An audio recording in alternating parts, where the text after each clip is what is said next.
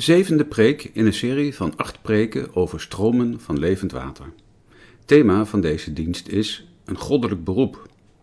Voorganger is dominee Jan Schele-Goedhart, opgenomen op 6 december 2020 in de Noorderkerk te Amsterdam. Leven met God in het alledaagse, dat is waar het vanavond over gaat. We lezen Johannes 21, vers 1 tot 14. Johannes 21. Hierna openbaarde Jezus zich opnieuw aan de discipelen, aan de zee van Tiberias. En hij openbaarde zich als volgt. Er waren bijeen Simon Petrus en Thomas, ook Didymus genaamd, en Nathanael, die uit Cana in Galilea afkomstig was, en de zonen van Zebedeus en twee andere van zijn discipelen. Simon Petrus zei tegen hem, ik ga vissen.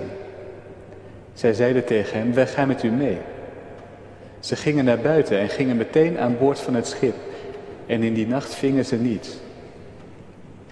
En toen het al ochtend geworden was, stond Jezus aan de oever. Maar de discipelen wisten niet dat het Jezus was. Jezus dan zei tegen hen, lieve kinderen, hebt u niet iets voorbij het eten? Zij antwoordden hem, nee. En hij zei tegen hen, werp het net uit aan de rechterkant van het schip en u zult vinden. Dus wierpen ze het uit en ze konden het niet meer trekken vanwege de grote hoeveelheid vissen. De discipel dan die Jezus liefhad, zei tegen Petrus, het is de Heer. Toen Simon Petrus dan hoorde dat het de Heer was, sloeg hij het bovenkleed om, want hij was omgekleed en wierp zich in de zee. En de andere discipelen kwamen met het scheepje, want ze waren niet ver, slechts ongeveer 211 van het land verwijderd, en sleepten het net met de vissen. Toen ze nu aan land gegaan waren, zagen ze een kolenvuur met vis daarop liggen en brood. Jezus zei tegen hen, breng wat van de vissen die u nu gevangen hebt. Simon Petrus ging er naartoe en trok het net op het land vol grote vissen, 153. En hoewel het er zoveel waren, scheurde het net niet. Jezus zei tegen hen, kom, gebruik de middagmaaltijd. En niemand van de discipelen durfde hem te vragen, wie bent u? Want ze wisten dat het de Heer was. Jezus dan kwam en nam het brood en gaf het hun en de vis eveneens. Dit nu was de derde keer dat Jezus zich aan zijn discipelen openbaarde, nadat hij uit de doden opgewekt was. Amen. Dit is het woord van God.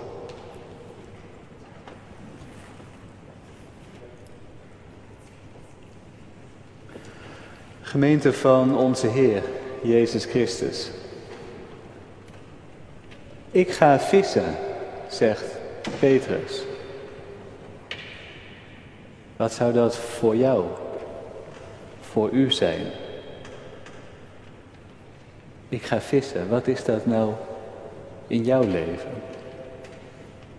Dat is een beetje een overgang en dat, dat is het in het evangelie ook. Hiervoor heb je verschijningen van Jezus gehad, de verhalen van de paasdag van Thomas, dat hij leeft. En dan gaat het nu zo verder. Ik ga vissen, zegt Petrus. Ja, dat, dat lijkt toch wel een beetje op hoe dat met ons gaat. Wij zitten hier aan tafel, brood en wijn, lichaam en bloed van Christus, iets hoogs, iets groots. En dan morgen is het maandag. Ik ga vissen, ja nou misschien niet concreet vissen in uw geval, maar wel zoiets. Dat is wel een overgang. Je gaat het gewone leven weer in. Ik hoor daar iets, iets zoekends in bij Petrus, van hoe gaan we nou verder? En al die grote woorden van Jezus, de levende die naar ons toegekomen is, wat betekenen ze nou als het morgen weer maandag is? Ja, zoiets zoekends hoor ik er ook in. Maar dat is niet, dat is niet alleen maar negatief. Ik hoor er ook in, zo is gewoon het leven met God. Morgen is het maandag en dan gaan we vissen. Of wat anders doen. Dat is leven met God. Zoals Rut die aren zoekt en die op de een of andere manier probeert in leven te blijven daar als, Je vluchteling, zouden we tegenwoordig zeggen. Dat is leven met God. En Johannes 21, die gaat over hoe God in dat leven verborgen aanwezig wil zijn. Niet altijd gelijk door ons herkend, maar hij is daar wel. Hij is daar wel. En daar gaat het vandaag voor ons over. Want wij gaan ook zo'n weg. Zoekend morgen weer naar wat er te doen is. En waar is God dan in ons gewone leven? We hebben afgelopen avonddiensten dit half jaar naar stromen van levend water geluisterd. Naar verschillende manieren om in de praktijk met God te leven. Dat ging over bidden. Dat ging over levensheiliging. Dat ging over vruchten van de geest. Dat ging over gerechtigheid doen. Dat ging over luisteren naar het woord. En nu gaat het als, als slotstuk daarvan over. En nu gewoon de praktijk. Nu gewoon al die dingen waar je hele week mee gevuld is. Hoe ziet het leven met God er daar dan uit?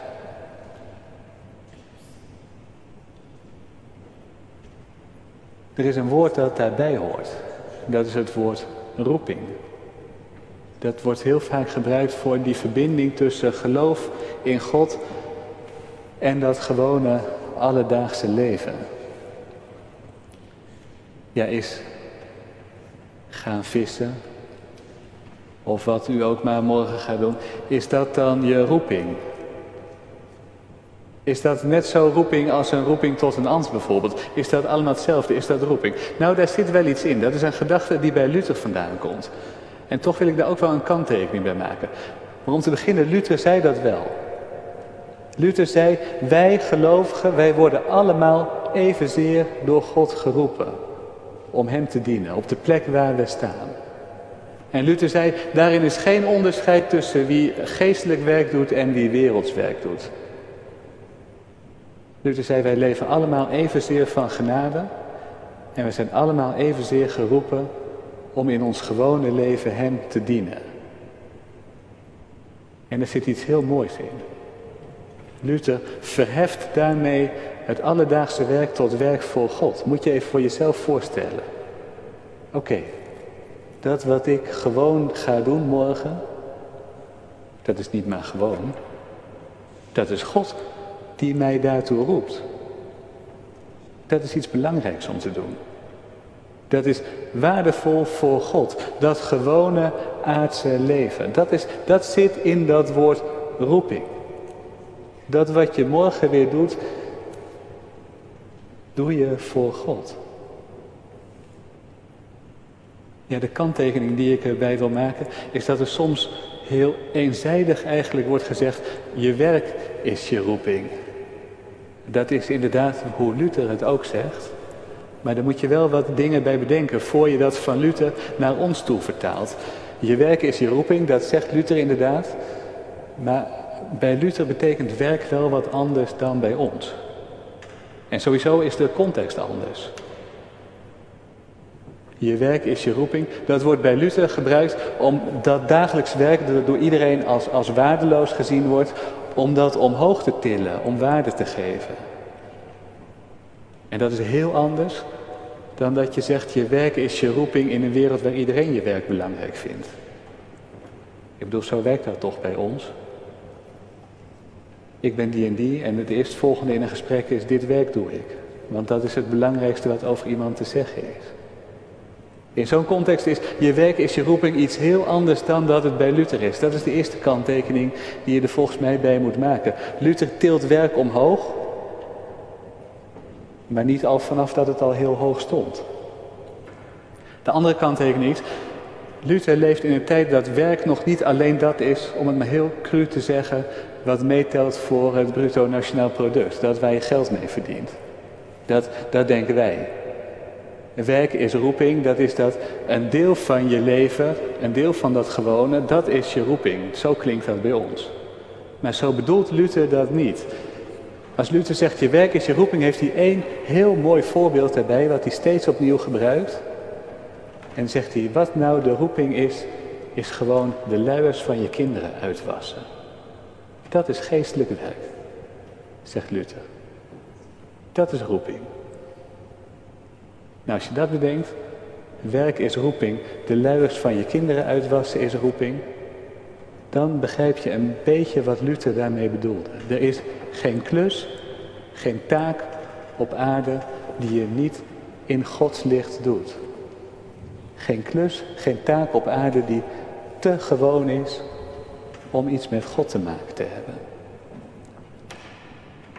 Dat, zegt Luther, dat zegt ook Johannes 21, dat gewone leven van werk, van luiers, van relaties, dat is de plek waar je met God leeft. En hoe gaat dat dan? Johannes 21. Ik ga vissen, zegt Petrus. En dat is de plek waar Jezus aanwezig is. En dat is de plek waar Petrus en die anderen met God leven. En hoe gaat dat dan? Nou, dat is mislukking als eerst, als je dat leest daar. En dat is natuurlijk in het echt ook zo. Ze vingen niets, staat er. Nou, zo gaat het ook best wel eens bij ons. Er zijn ook hier mensen die morgen iets gaan doen. En dat mislukt. Dat is niet geworden wat je ervan gehoopt hebt. Er zijn keuzes die je maakt en ze lopen op niks uit. Dat kan gaan over je werk. Je begint ergens aan en het mislukt. Je wordt ontslagen. Dat kan gaan, en dan kom ik ook een beetje bij dat verhaal van Rut over een relatie. Je bent met iemand begonnen. En dat gaat stuk. Dat breekt. Je hebt kinderen gehad en je hebt geprobeerd er wat van te maken, maar nee, er komt geen vrucht uit. Het loopt mis. Dat is ook het gewone leven.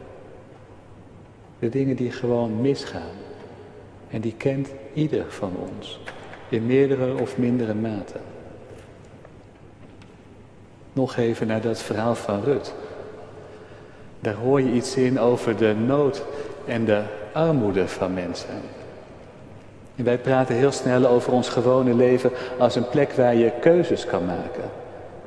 En waar je voor jezelf een soort weg uitstippelt van, nou dat lijkt me wel mooi om in mijn leven te gaan doen.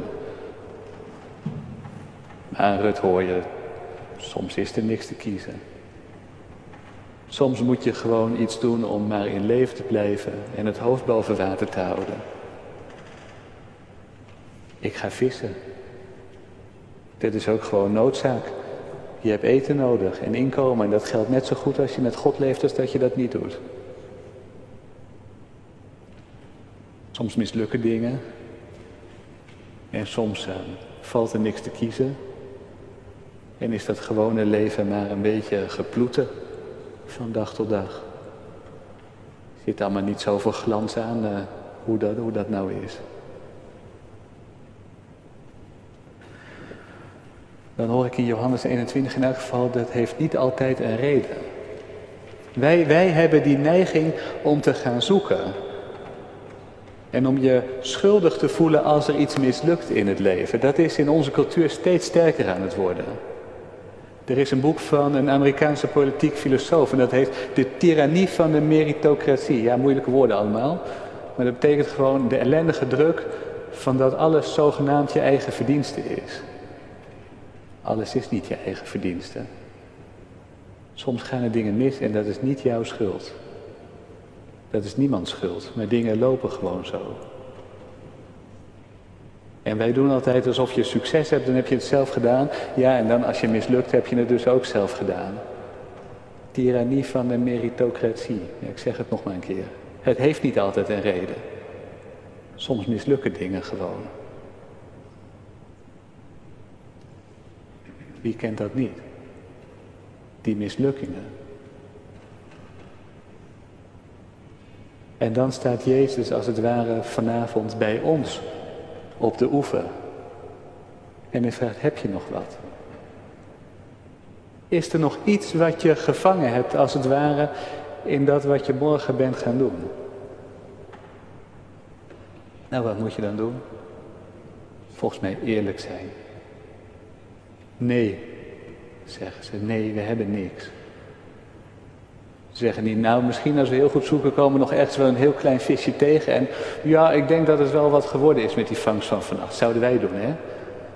We hebben daar zo'n moeite mee om onze mislukkingen gewoon toe te geven. Herken je dat niet?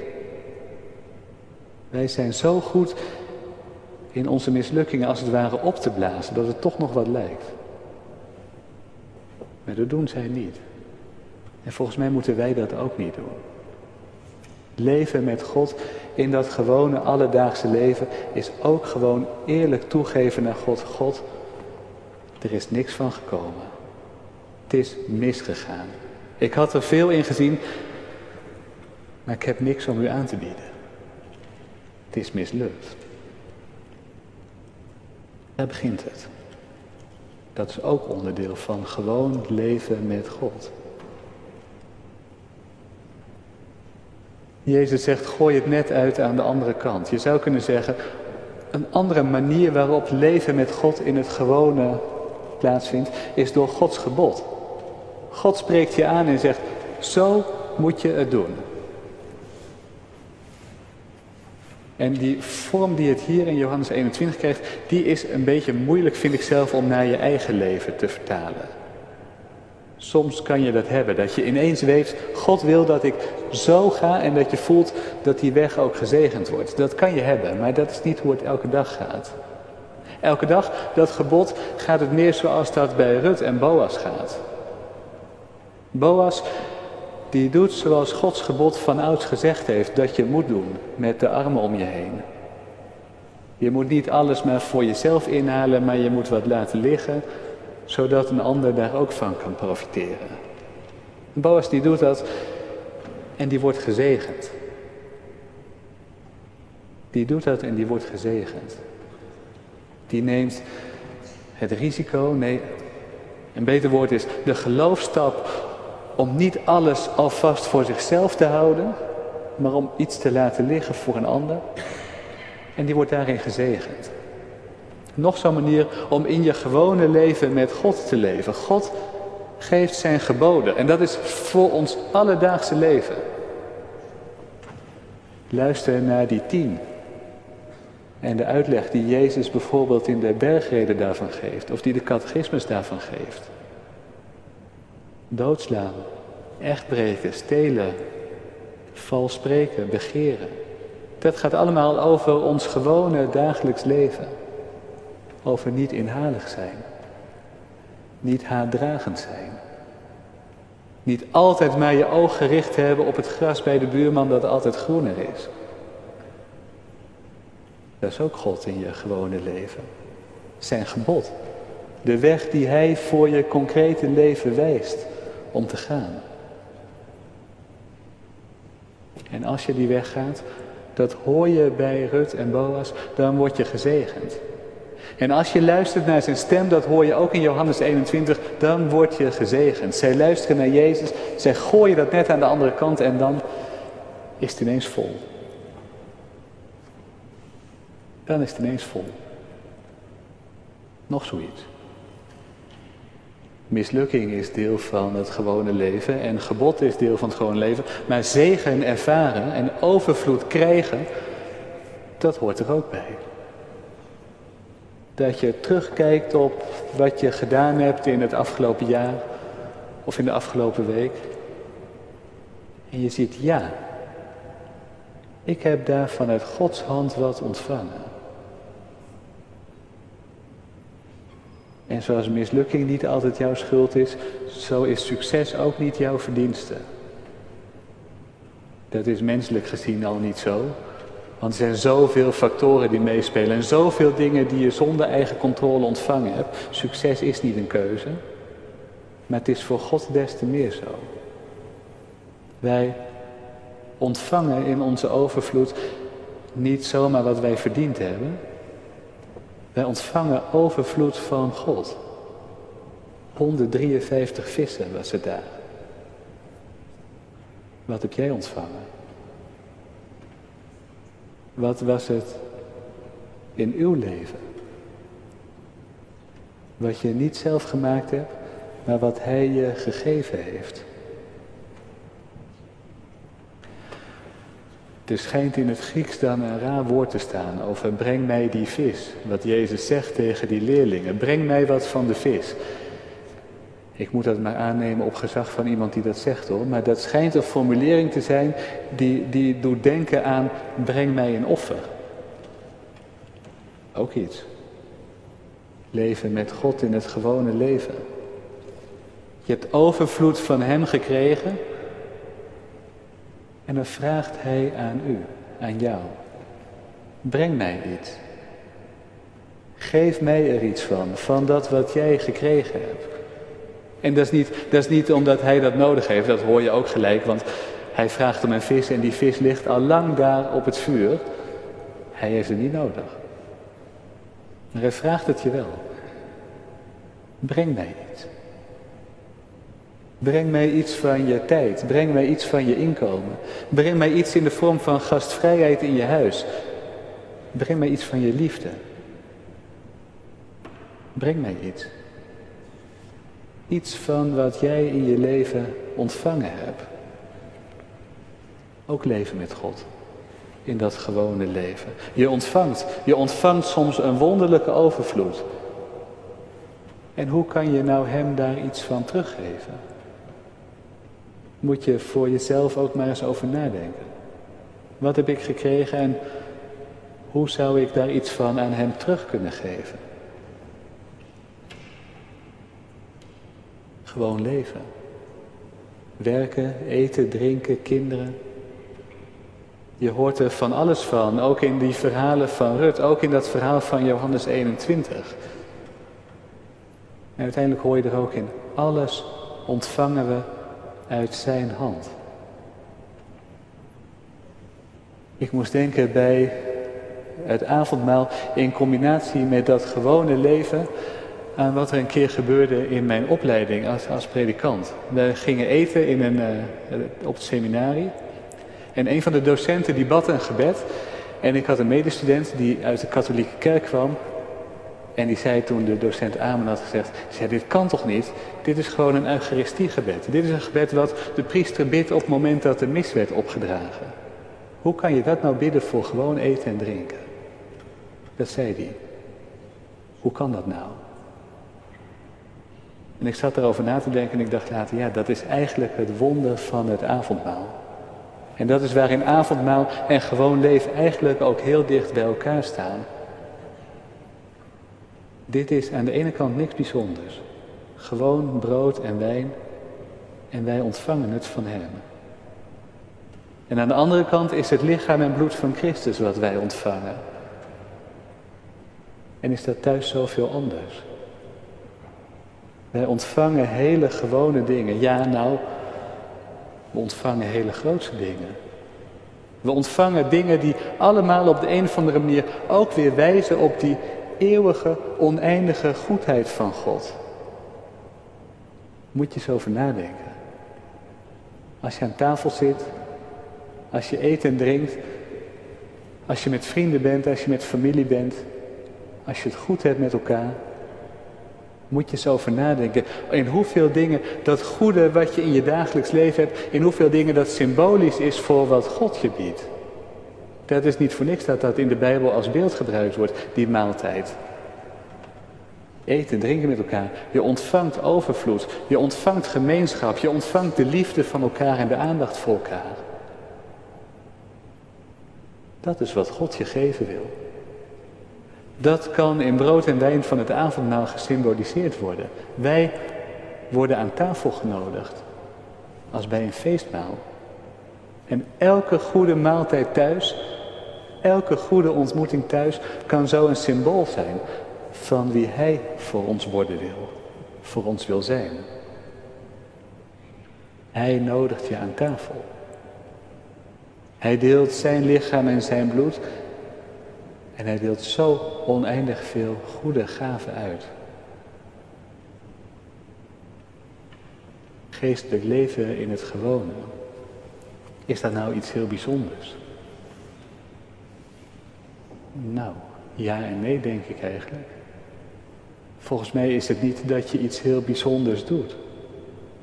Maar volgens mij is het heel bijzonder dat door de glans van Hij die erbij is, van Jezus die daar staat, van de levende, dat door die glans alles anders wordt. Nog een laatste persoonlijke ervaring daarmee, alweer van zo lang geleden dat ik hem bijna vergeten ben. Een hele gewone, druilerige, regenachtige dag. Ik denk dat het november was. Ik weet het niet, maar dat moet haast wel. Want het was koud en regenachtig. En ik moest naar mijn werk en ik had geen zin. En ik was kleddernat. En ineens flitste door mijn hoofd, hij leeft. Hij leeft. En dat maakt alles anders. Druilerige regen of niet, kou of niet, werk of niet waar je geen zin in heeft. Hij leeft.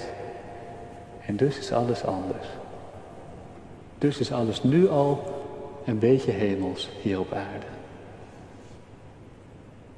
Probeer eraan te denken. Als je door druilerige koude regen fietst naar dingen waar je geen zin in hebt, maar waar het aardse leven gewoon vol van is. Hij leeft. Hij leeft. En dus is het leven goed. Amen.